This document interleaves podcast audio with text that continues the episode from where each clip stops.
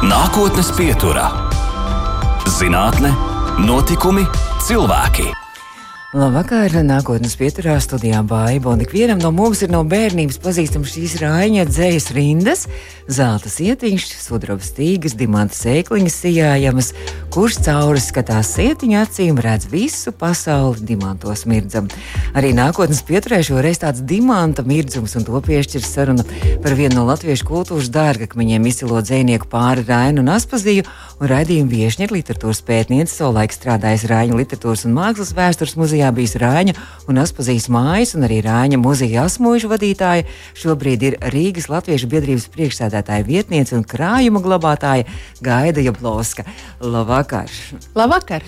Nu, tad man ir droši vien, ka vispirms jāsāk ar to, ka jāapsveic. Jūs esat Rāņu un um, Aspazīs pētniece, un arī viņa mantojumu arī jūs cenšaties uzturēt un saglabāt un arī popularizēt. Un tieši vakar, aizvakar bija svētki jums, un, un, un varētu teikt, arī tā zināmā mērā arī Rainam un Aspazijai. Grāmata iznāca. Jā, teiksim tā, svētki aizvakar Rīgas Latviešu biedrības Baltajā zālē bija Aspazijai, jo Aspazija bija tā, kura savulaik nopirka īpašumu baznīcas ielā 30 Rīgā.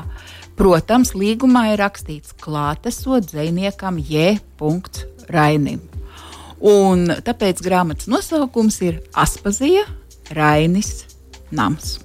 Es tieši gribēju jautāt, kāpēc Aspazija ir pirmā šoreiz, nevis Rainis. Jo mums tā kā Rainis un Aspazija, bet tad ir skaidrs. Jā, jo tas ir Aspazijas īpašums. Un tā ir iegājies, ka mēs jau sakām Rainis un Aspazija. Mm -hmm. Bet man šajā reizē gribējās Aspazija un Rainis.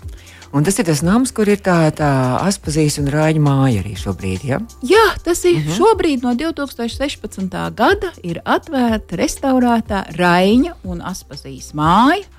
Un tur ir ļoti plaša ekspozīcija. Izstāstīt es šajās minūtēs un šajā stundā to nevaru. Uh mhm. -huh. Un varbūt pat nevajag, jo vienkārši ir jāaiziet ciemos pie Aspazijas un arī Rāņa un jāredz, kā tad dzinieki dzīvoja. Jo savulaik jau Rains dienas grāmatā rakstīja, ka viņš gribētu iekārtot demokrātisku salonu.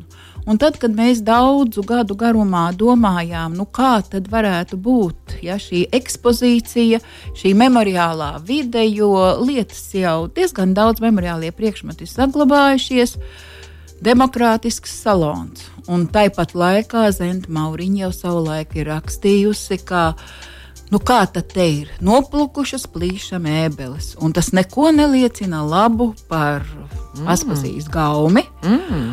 Un tur ir tās pretrunas.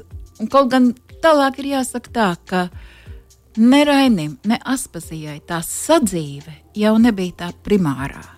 Bet cilvēkam atnākot uz muzeju, nu viņš jau ir daudz maz izlasījis Raini.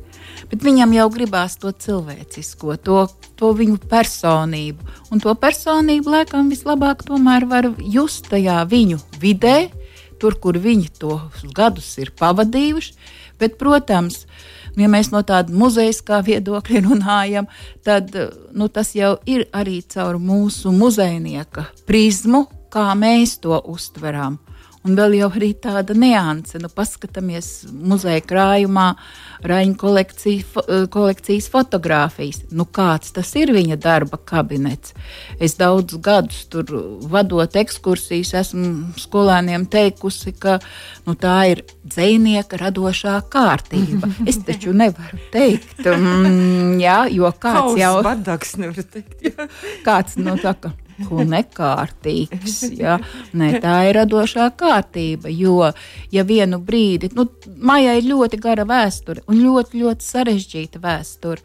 Un tad, kad mēs 1900, 1000, nu jā, mēs 93. gadā atvērām daļēji restaurēto dzīvokli, tikai daļēji jā, ar Raņu Aspazijas fondu, tad, kad viņš atgriezās no, no Zviedrijas palīdzību. Uh, tad mums bija tā diskusija, un mēs vienu brīdi salikām tā kā fotografijā grāmatu dublikāts, neoriģināls Raņa un Aspazijas personīgā biblioteka. Jā, nu tas ir, es gribētu teikt, tāda svēta mm. lieta, jā, un to tā nevar pa plauktiem izkrāmēt, jā, kur nav atbilstoši glabāšanas iespējas.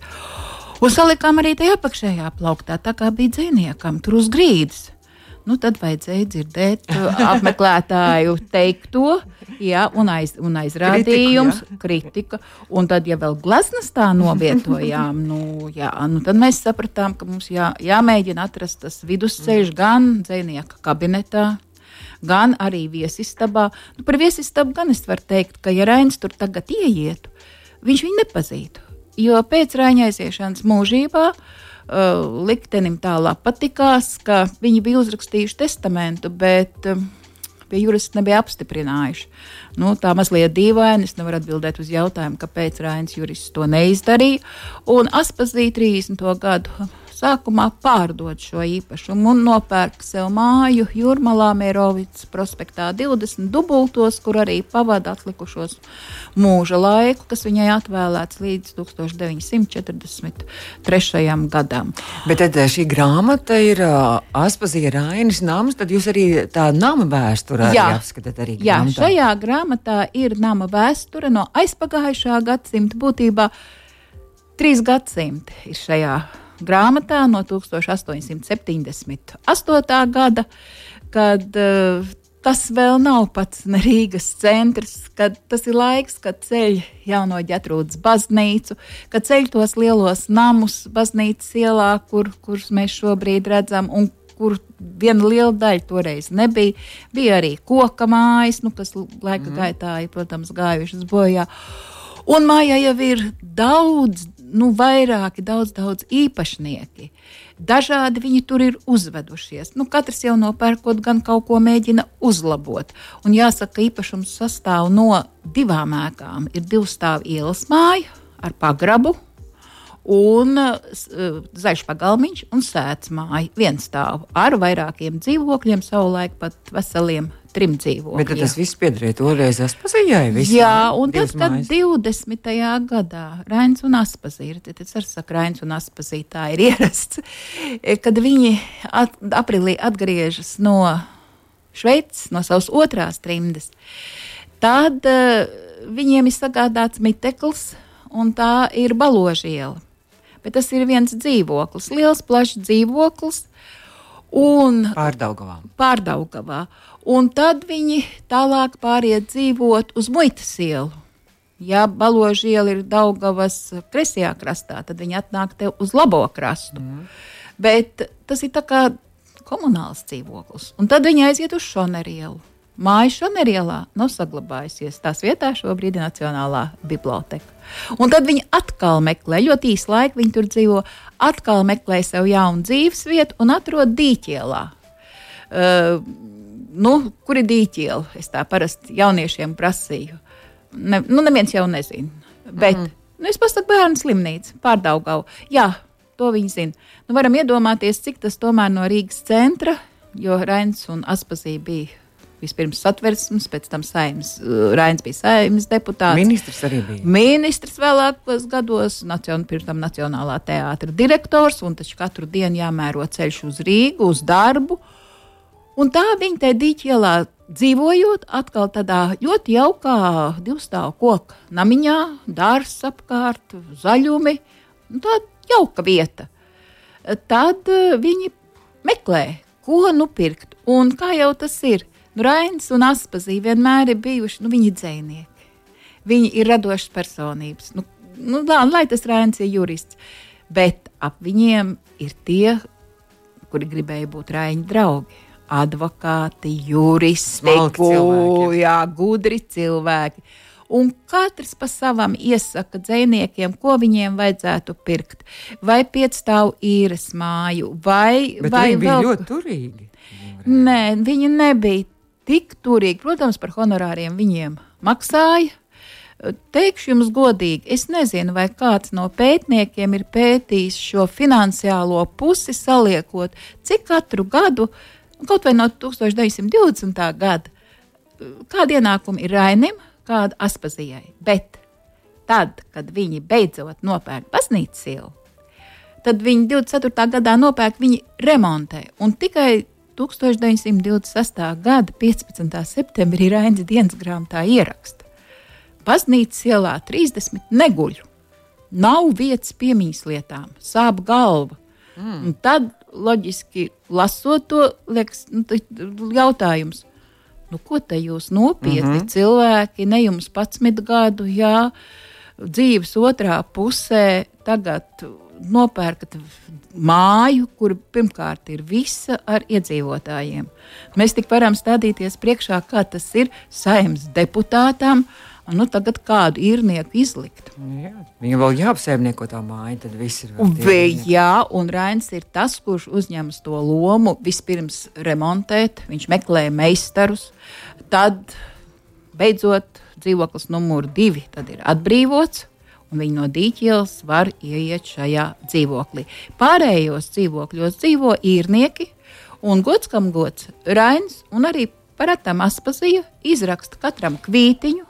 Viņa katrs samaksā savu īres maksu, un Rains jau ir arī nu, radoša personība, bet arī savā, laik, nu, savā ziņā ārkārtīgs pedants. Viņš ir saglabājis braucienu biļetes uz jūrmālu vilcienu, ja, piemēram. Viņš ir atvedis no Šveices koka mizas gabalu. Viņš, viņš ir saglabājis, nu, saglabājušās ir visas šīs kvīšu grāmatiņas, nu, vai visas. Bet man jau pašas interesantākās pirms daudziem gadiem, pilnīgi nejaušas, nu, tā, toreiz bija tāda kartotēka lasītavā muzeja, Aspazīs ekonomiskā biogrāfija. Hm. Ko tas varētu nozīmēt? jā, es pasūtīju, man atnesa mapi, tādas zilas burtnīciņas, nelielas, nu, no, no A4 ceturtā daļa, mm -hmm. rūtiņa. Mm -hmm. Un tur tā skaisti sagrafēts pa gadiem, pa mēnešiem. Un ko Aspazija ir pirkusi? Uh -huh. Cik tas ir maksājis? Nu, muz, nu, tā kā muzeja ir rēķinājis, ir viss. Jā, līdz, un tas man bija ārkārtīgs pārsteigums, jo nu, muzejā ir tāda kārtība, ja tu mapi paņem, tu paraksties, un tur ir redzams. Un tad es ieraudzīju, ka šo mapi ļoti senos, sens, senos laikos literatūra pētniece, kur kādreiz strādāja pa krājuma glabātāju, un nu, kura vispār atpazīst pētniece, sauc arī Viese, ir skatījusi uh, 60. gados pagājušā gadsimta. Vairāk pēc tam neviens nav. Neviens, jā, no e ekonomika, jā. jā, bet tur jau ir iekšā, kāds viņa ir nospirkus, kāds krāsas pelargonijas, cik daudz grāmatas, nu, tīri sadzīviski, ko viņi ir pirkusi. Rainim, cik, cik ir izmaksājuši lūdzēji, kuri nāk pie Raiņu, cik ir par vekseļiem, jā, cik ir Rainis ir izdevis tā, un man tas, man tas sievišķīgi vislabāk patīk tas Rainis palika parādā tik un tik. Jā, nu tā, svītriņa viņai. ir pavilkta, jā, viņai svītriņa ir apakšā pavilkta rūtīņa kladītē, un tad ir vēl pa visu gadu kopsavilkums.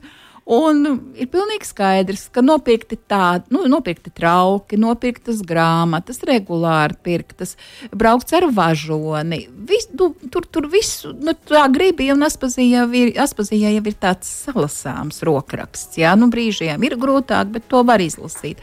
Nu, tīri no tādiem sadzīviskiem, tā nav tā, nu, visu šo pētot, šo sadaļu, jā, nu, it kā pazūd Aspazīs daļrada, aspazīs dzēja, aspazīs dramaturģija, aspazīs sabiedriski politiskie uzskati. Jā, bet tad, tad, kad cilvēks ienāk tajā dzīvoklī, ja, tad viņu šie mazie sīkumiņi interesē. Nu, kādas vēstulītes, kādas atklātnes Rains viņai, Rains 20. gados daudz ceļo. Viņš brauc prom no Latvijas, jo viņam jau nu, šeit nav mm -hmm. īpaši omulīgi, viegli, jo viss, viņš ir sociāldemokrāts, līdz ar to visa kritika. Un kā viņš raksta Aspazijai?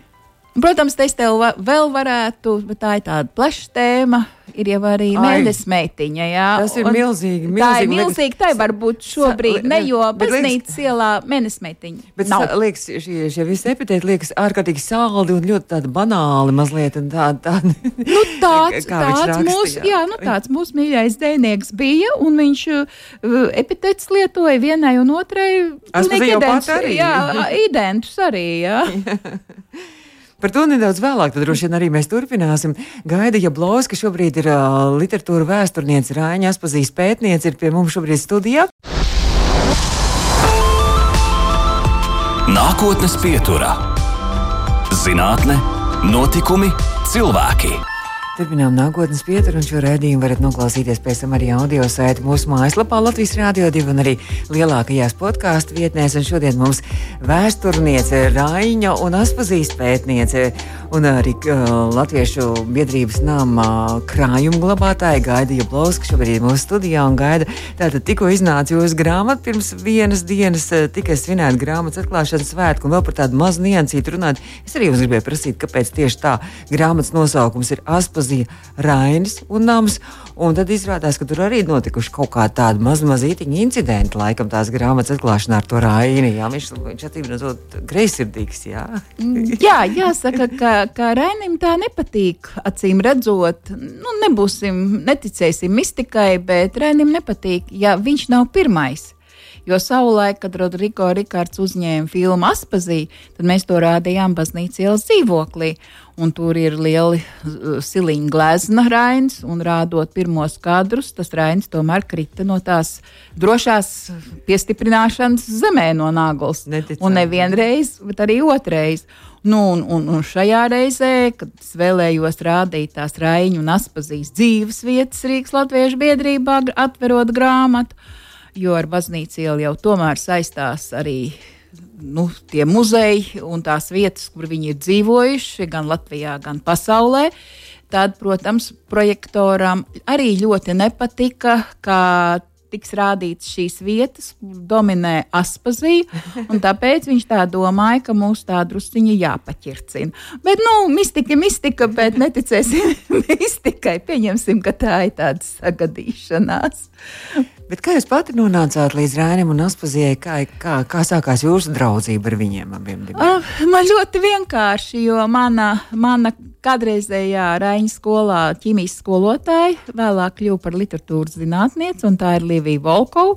Un tad, kad es biju Latvijas universitāte trešajā kursā studējot uh, filoloģiju, tad viņi man uzaicināja strādāt dzinieka jaunu dienu zemē, un tā bija Jasmoiša Un tā es nokļuvu pie Raņa, pie Raņa mm, jaunības, pie Jāņa pliekšāna faktiski, ja pareizi mēs runājam un stāstam. Un tajā laikā Jānis Pliekšānam tur jāsmuižā ir ne tikai tēvs un māte, bet arī vecākā māsa Līza un arī jaunākā māsa Dora. Un viņi savā starpā īsiņas nevar sūtīt, un tāda Facebook nav, un viņi raksta vēstules. Un ir tāds pasaulē brīnums, ka šīs vēstules ir saglabājušās. Un toreiz, es, tas ir pirms daudziem, daudziem gadiem, varētu teikt, pirms pusgadsimta. Un tad es tā maz pamazām sāku viņas uh, skrubināt. Un uh, vairākus gadu desmitus, godīgi pateikšu, līdz uh, nu, iznāca tāda grāmata, apkopojums, sirds mīļo brālīt. Tā Līza uzrunāja Jānu Pliekšānu, savu brāli. Un tur arī ir Jāņa Pliekšāna un Līdzes Pliekšāna sarakste un fragmentāri mazās māsas Doras vēstules. Un kāpēc tikai fragmentāri? Lūk, nevar jau tā visu šīs, nu, manas paudzes pētnieki pirms manis viss nevarēja apgūt, un nevaram arī mēs visu apgūt. Un tas ir milzīgi plašs. Tas, tas ir plašs, jā. Rainas pazīstams kolekcija ir vairāk kā 40 tūkstoši vienību. Un tāpēc ir jāatstāj nākamajām paudzēm. Un lūk, Doriņa no Grīvas skolas savam brālim rakstīja ar zīmolīti vācu valodā. Jo Rainis jau arī Rīgas pilsētas gimnājā vāciski. Jā. Arī līziņas vēstules daļa ir vāciski. Un viņi rakstīja tā tad ar zīmolīti, vācu valodā, vecā ortogrāfijā. Nu, Tas mēs... viss bija jāiztulko. Nē, nu, to es vācu valodu nepārzinu, un līdz ar to es izmantoju to, ko pirms manas kolēģi bija darījuši. Bet tām nākamām pētnieku paudzēm, Raiņu un Aspazīs, darbs ir nodrošināts. Jā, jā? Es tā pie sevis kādreiz domāju, cik, rai, cik pētniekiem Raiņš un Aspazī ir nodrošinājuši maizi. Fantastiski. Tad jā, bet viņi ir bijuši tik radoši, tik ražīgi un jā, tik, tik, tik un tā cilvēki. Jā, un tā pētniecība. Uh, nu, ir ārkārtīgi sarežģīta. Tev ir ļoti daudz nu, blakus faktu jāzina, ja, un ja tu to nezini, nu, tad, tad, tad tas neliekas interesanti. Un, bet, ja tu zini, tad tu iebrauc detaļās un sīkumos, un tu arī netiec uz priekšu, ja, un tad, nu, tā viss tas ir jāsabalansē, un tāpēc tās sirds mīļais brālīts iznāca, iznāca 2014. Mm, gadā. Un, un tad uh, baznīcā ielā strādājot, ik pa brīdim uzplaiksnīja tā tēma mēnesis meitiņa. Mm -hmm. ja? Un arī tur sarakste ir saglabājusies daļēji. Un ja jau nu, sabiedrību tas tik ļoti interesē, un ir dažādas versijas, vai, vai Olgai Kliģerei, atļaušos teikt, no Raņa bija bērns, ja, jo kāds uh, skolnieciņš man kādreiz teica, ka vai cik labi, tad taču viņš bija viens foršs vecis. Jā, un, un es, es drusciņi to papētīju, bet nu, tā nedaudz. Bet nu, kāpēc sabiedrībai nedot iespēju izlasīt viņu trīs cilvēku sarakstu? Tad nu, o, o, šī Olga. Olga, jā, Olga, Aspazija un Rainis. Un tā dažus gadus vēlāk iznāca grāmata par mēnesi meitiņu kur ir, kur ir viņu vēstules, kur ir aina dzēja.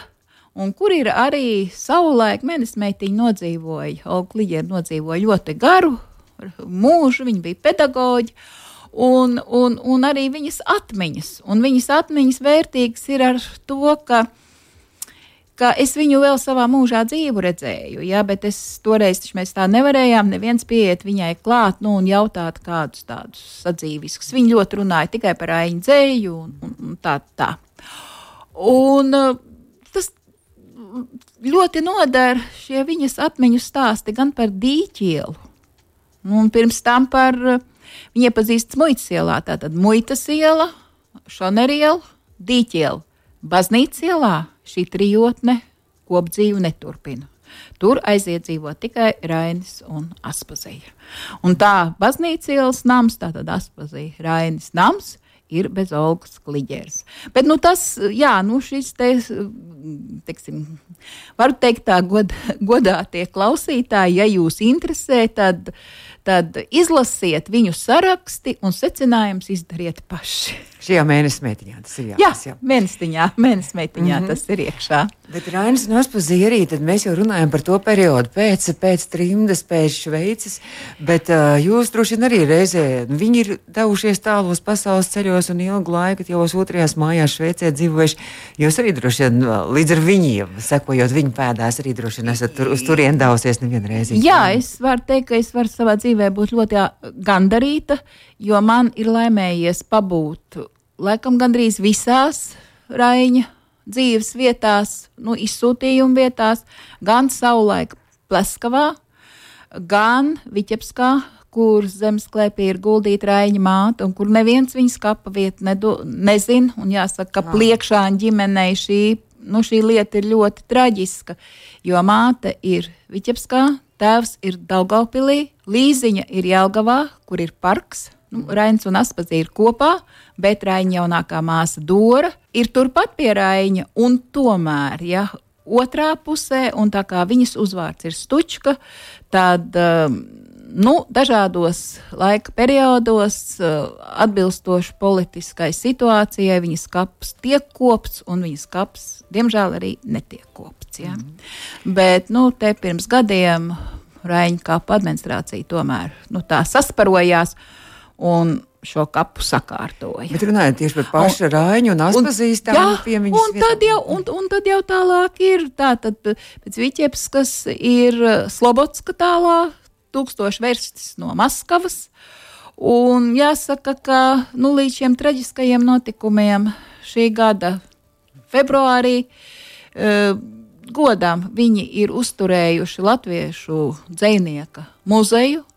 Jā, Viņš viņiem ir revolucionārs dzinieks, bet tur ir viņa, tur ir viņa piemiņas istabs, tur ir viņa ekspozīcijas. Tur viņi ir gaidījuši latviešu dziniekus, māksliniekus ar savu dvēseles siltumu, vienmēr ciemos aicis, svinējuši Raņas pazīst mm. dienas. Mēs tur esam, tur no smārdas, no Latvijas ir aizvests viņa piemiņas akmens ar Jānu Zariņu kā tēlnieku. Un lielākais pasākums jau bija 2015. gadā, kad tur bija lieli Aspazijas un Raņa svētki.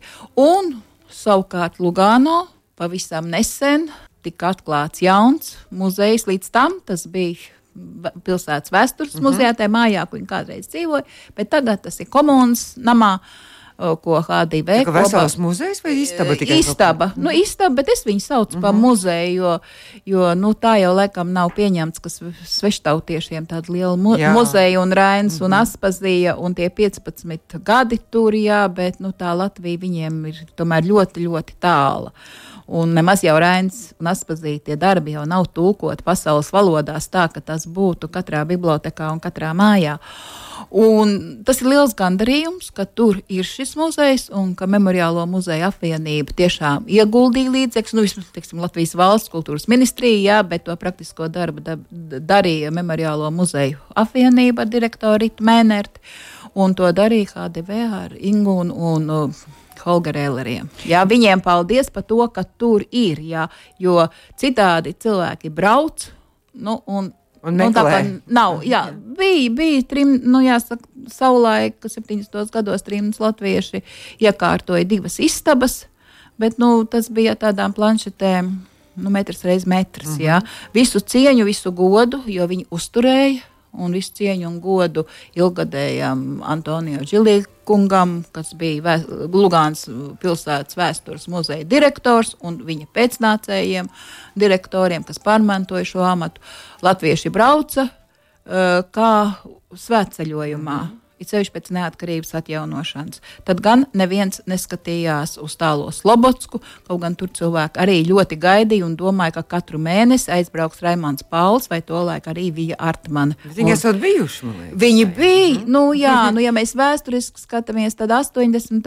gados notika lielās kultūras dienas ar Kirovas apgabala Vjatkus, ja, nu vecais Vjatkus apgabala, vai guberņa Vjatkas guberņa.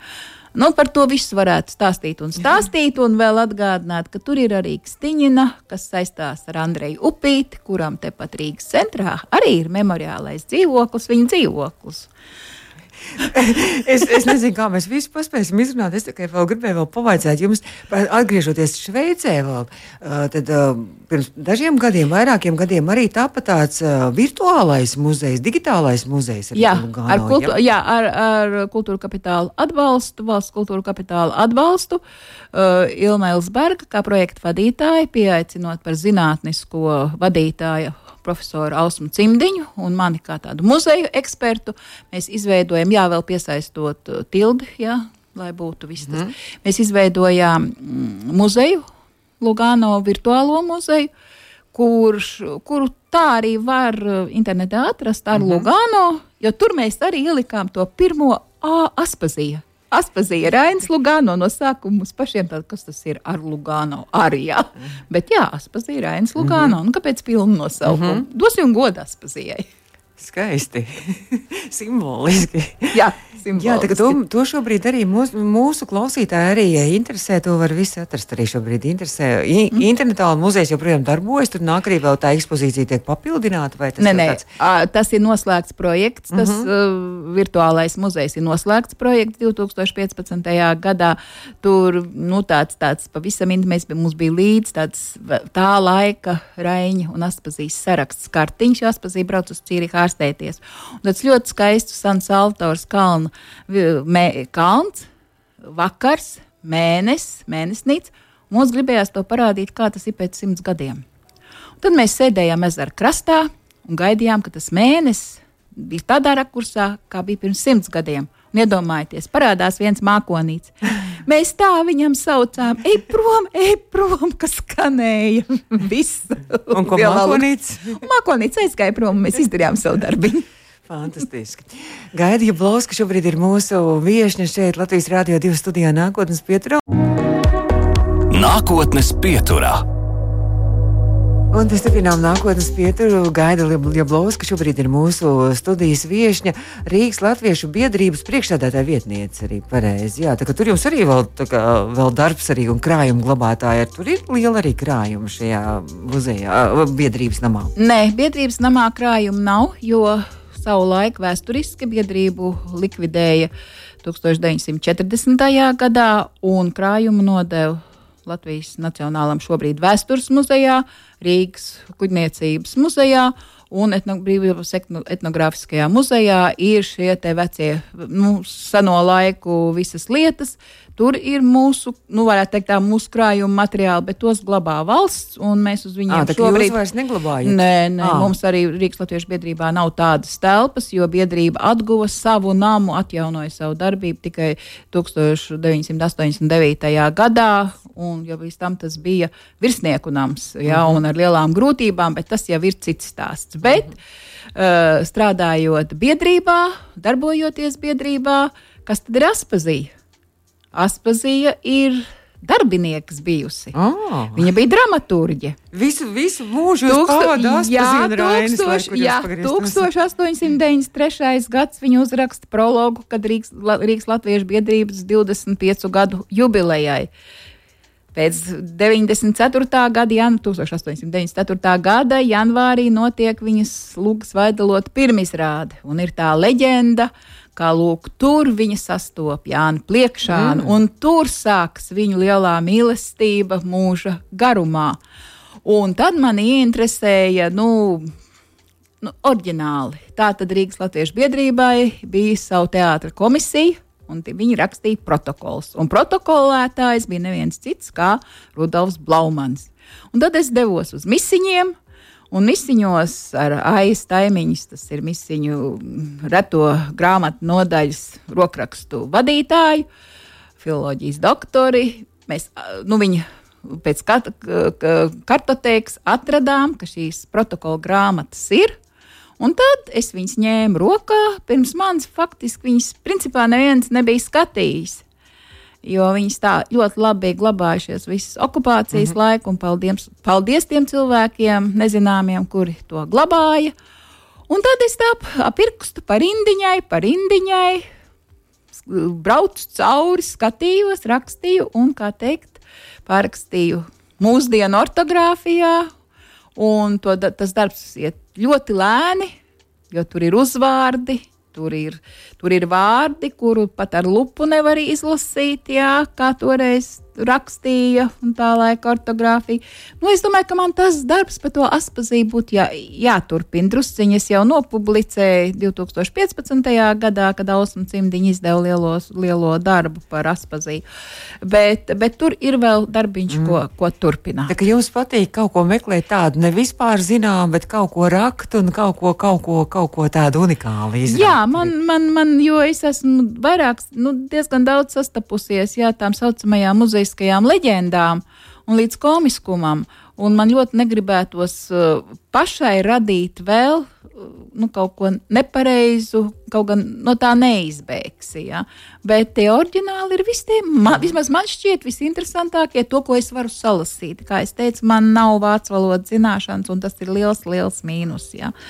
Jo ļoti daudz tas bija vācu, vācu mm. valodā, bet man ir krievu valodas zināšanas. Ja? Tā kā atkal tās, kas jauniem varbūt pētniekiem druskuļi. Bet runājot par Rainu un Aspazīnu, mums viņa liekas tiešām, mums, mums viņa ir dižgari un ārkārtīgi tādi nu, ietekmīgi, ietekmīgi kultūras cilvēki, vai arī citur vēl pasaulē arī ir nu, atdots Rainim un Aspazijai gods arī, vai citur viņas vērtē arī. Zet, tā jau ir, ka vienam ir jādara.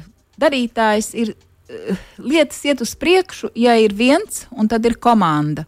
Un tajā brīdī, kad uh, Ukraiņas vēstnieks Latvijā bija filozofijas, savulaik, jā, savulaik uh, doktors, Raul, uh, filozofijas doktors Rauls Čilačava. Tad viņš atnāca pilnīgi neoficiālā vizītē, kā cilvēks uz Raņa Naspazīsto noplukušo namiņu. Tad jau nebija restaurācija. Savu to baznīcas ielā. Baznīcas ielā. Un viņu tomēr šie, nu, viņš viņu vārdu zināja, ka ir tāds Rēns un Aspazīja, ieinteresēja. Viņš sāka tulkot, un pateicoties viņam, Rēns Aspazīs dzēju var izlasīt arī aforismus, var izlasīt gan ukraiņu, gan arī gruzīņu valodā, jo pēc tautības Rausčelečava ir uh, gruzīns. Fantastiski. Ja? Tā kā jo vairāk šādu cilvēku, un tāpat mm, te jau var pieminēt Jāru Makoniju, kuru uzrakstīja sarkano komētu par aspazīju. Mēs tur varam diskutēt, nu, cik viņa precīzi varbūt ir dažus vēsturiskus faktus attainojusi, ja? bet viņi jau ieraudzīja to, to pieminekli tur Lugano brēkalnā, kam ir tāds četrstūrains piemineklis, ieinteresējās, būdama žurnāliste, atbrauc uz Latviju, mēs viņu aizvedām uz Daugšām, uz atpazīst dzimto māju.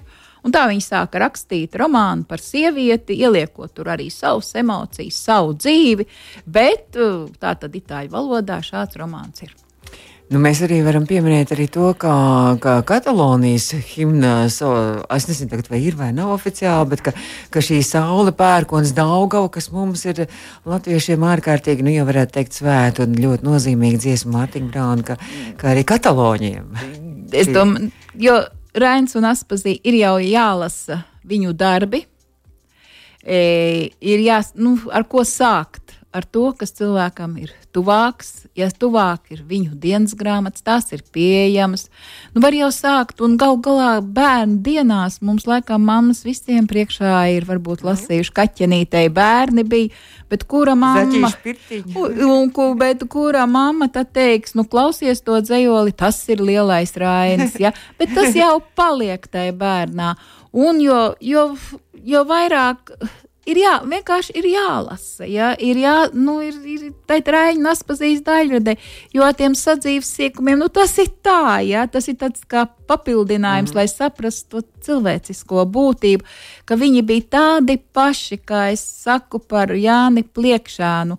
Viņš savā dienas grāmatā savos pats, pats gados raksta, slinkums tik mīlīgs, tik labs, nu kur labāk var pateikt, nu Rainis bija slinks, ja, un lūdzu visi esam tik slinki kā Rains. Nu, tas vienkārši brīnišķīgi. Un atstājam 40 tūkstoši tās uh, vienības. vienības jā, jā, jā. jā.